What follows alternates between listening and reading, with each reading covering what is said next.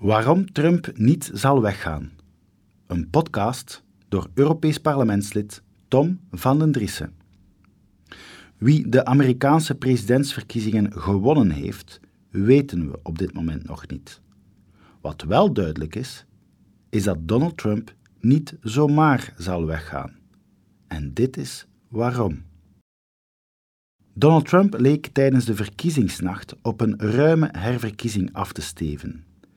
Drie kwart miljoen stemmen voorsprong in Pennsylvania bijvoorbeeld. In zijn toespraak riep Trump zich uit als overwinnaar en riep op om het stemmen te stoppen.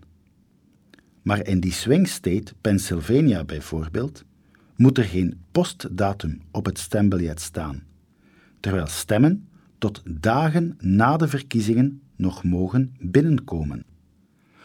Volgens sommigen is stemmen per brief dan ook erg fraudegevoelig. Naarmate er meer stemmen per post binnenkwamen en geteld werden, draaide de ene na de andere staat, zoals Michigan of Wisconsin, van een overwinning voor Trump naar een nederlaag. In Georgia, Pennsylvania en North Carolina daalde de grote voorsprong van Trump ondertussen ook als sneeuw voor de zon. We zien in elk van die staten eenzelfde reden daarvoor. Het gaat steeds over stemmen per brief uit urbane gebieden waar veel zwarten en andere minderheden wonen. Zij stemmen historisch in meerderheid voor de Democratische Partij. Dat doen ze nu opnieuw voor Biden, nog meer dan ze voor Obama stemden zelfs. Dat is allemaal hoogst eigenaardig en doet ook bij de neutrale observator de wenkbrauwen fronsen. Wie spreekt over verkiezingsfraude, heeft elk recht dat dit onafhankelijk onderzocht wordt. Zo hoort dat in een democratische rechtsstaat. Maar dat is niet wat er aan de hand is. Toen Trump eerst de voorverkiezingen in de Republikeinse Partij en dan ook nog eens het presidentschap binnenhaalde in 2016, sloeg hij iedereen met verstomming. Hij werd namelijk als sinds zijn kandidatuurstelling systematisch geridiculiseerd door de media, tot uitlachartikels over zijn haartooi toe. Werkelijk niets bleek goed te zijn aan die man, volgens de mainstream media. Trump, de gekke en domme superslechterik, tegenover Clinton, de redelijke, intelligente, betrouwbaarheid. In de peilingen stond hij dan ook stevast ver achter. Maar hij werd toch verkozen. De gewone, doorsnee Amerikaan uit kleinere steden en rurale gebieden gaf werkelijk massaal het vertrouwen aan Trump. Tientallen miljoenen hadden het helemaal gehad met een zoveelste inwisselbare kandidaat van het establishment, waarvan je het verschil niet kunt zien of het een democraat of een republikein is. Dat is wat er historisch is aan de verkiezingen van 2016. Voorheen had het volk geen keuze. Verkiezingen waren een soort ritueel. Ze konden enkel voor meer van hetzelfde stemmen. En dus konden ze enkel de belangen van dezelfde groep uit de grootsteden, de minderheden en hoogopgeleiden, en dezelfde politieke agenda, het multiculturalisme en het globalisme stemmen. Met Trump kreeg het volk eindelijk wel die keuze. En met Trump vonden ze een kandidaat die ook nog eens voor hun belangen zou vechten tegen die van de leidende elite in. En dat hebben ze hem nooit vergeven. Vanaf de eerste dag van zijn presidentschap werd Trump continu en consistent gediaboliseerd door de media in binnen- en buitenland.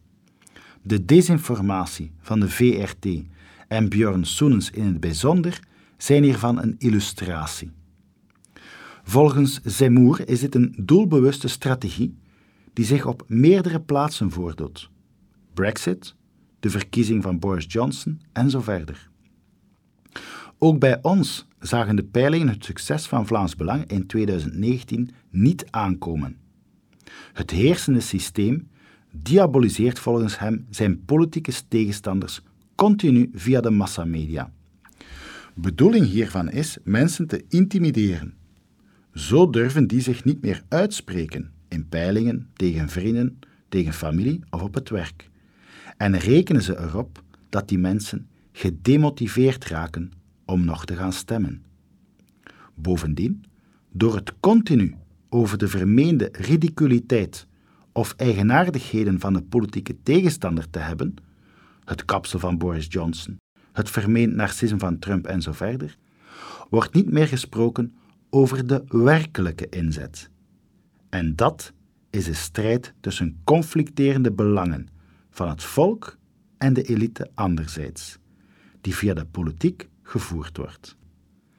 Het heersende systeem wil immers niet dat hun belangen en hun agenda uitgedaagd en mogelijk vervangen wordt door die van het volk.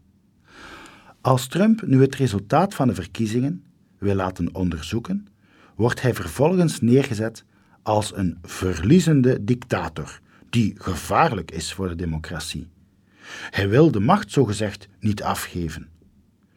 Maar wie heeft eigenlijk de oorlog aan de democratie verklaard? Toen Trump in 2016 won, werd de legitimiteit hiervan systematisch en consequent betwist.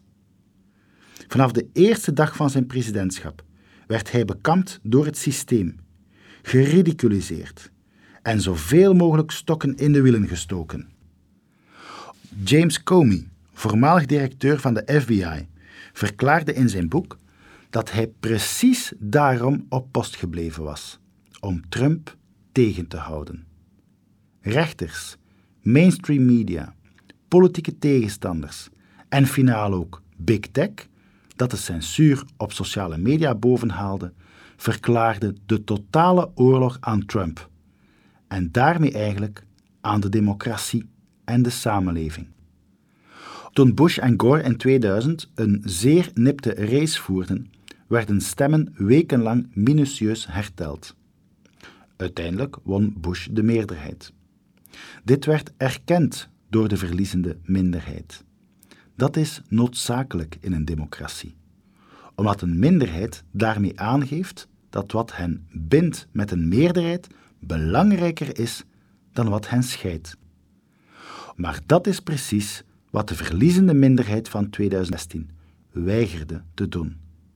Integendeel, ze pookten de polarisatie 24 uur per dag op, waardoor die totaal werd. Zo komen we in een Amerika terecht dat bestaat uit twee tegengestelde werelden. Een progressief stedelijk en multiculturele elite versus een landelijker, conservatief diep Amerika. Deze werelden zijn steeds minder verzoenbaar, omdat het globalistisch systeem nu eenmaal niet uitgedaagd wil worden en het diepe Amerika nu eenmaal niet wil verdwijnen. Trump heeft deze polarisatie helemaal niet veroorzaakt. Hij is het resultaat van de cultuuroorlog van de linkse elite sinds de jaren 60 tegen de Amerikaanse way of life.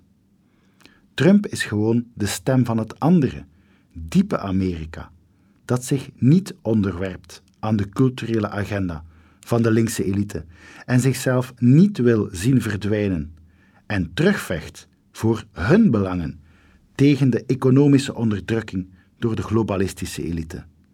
Daarom zal Trump niet weggaan. Mogelijk wel uit het Witte Huis, maar zeker niet uit de huiskamer.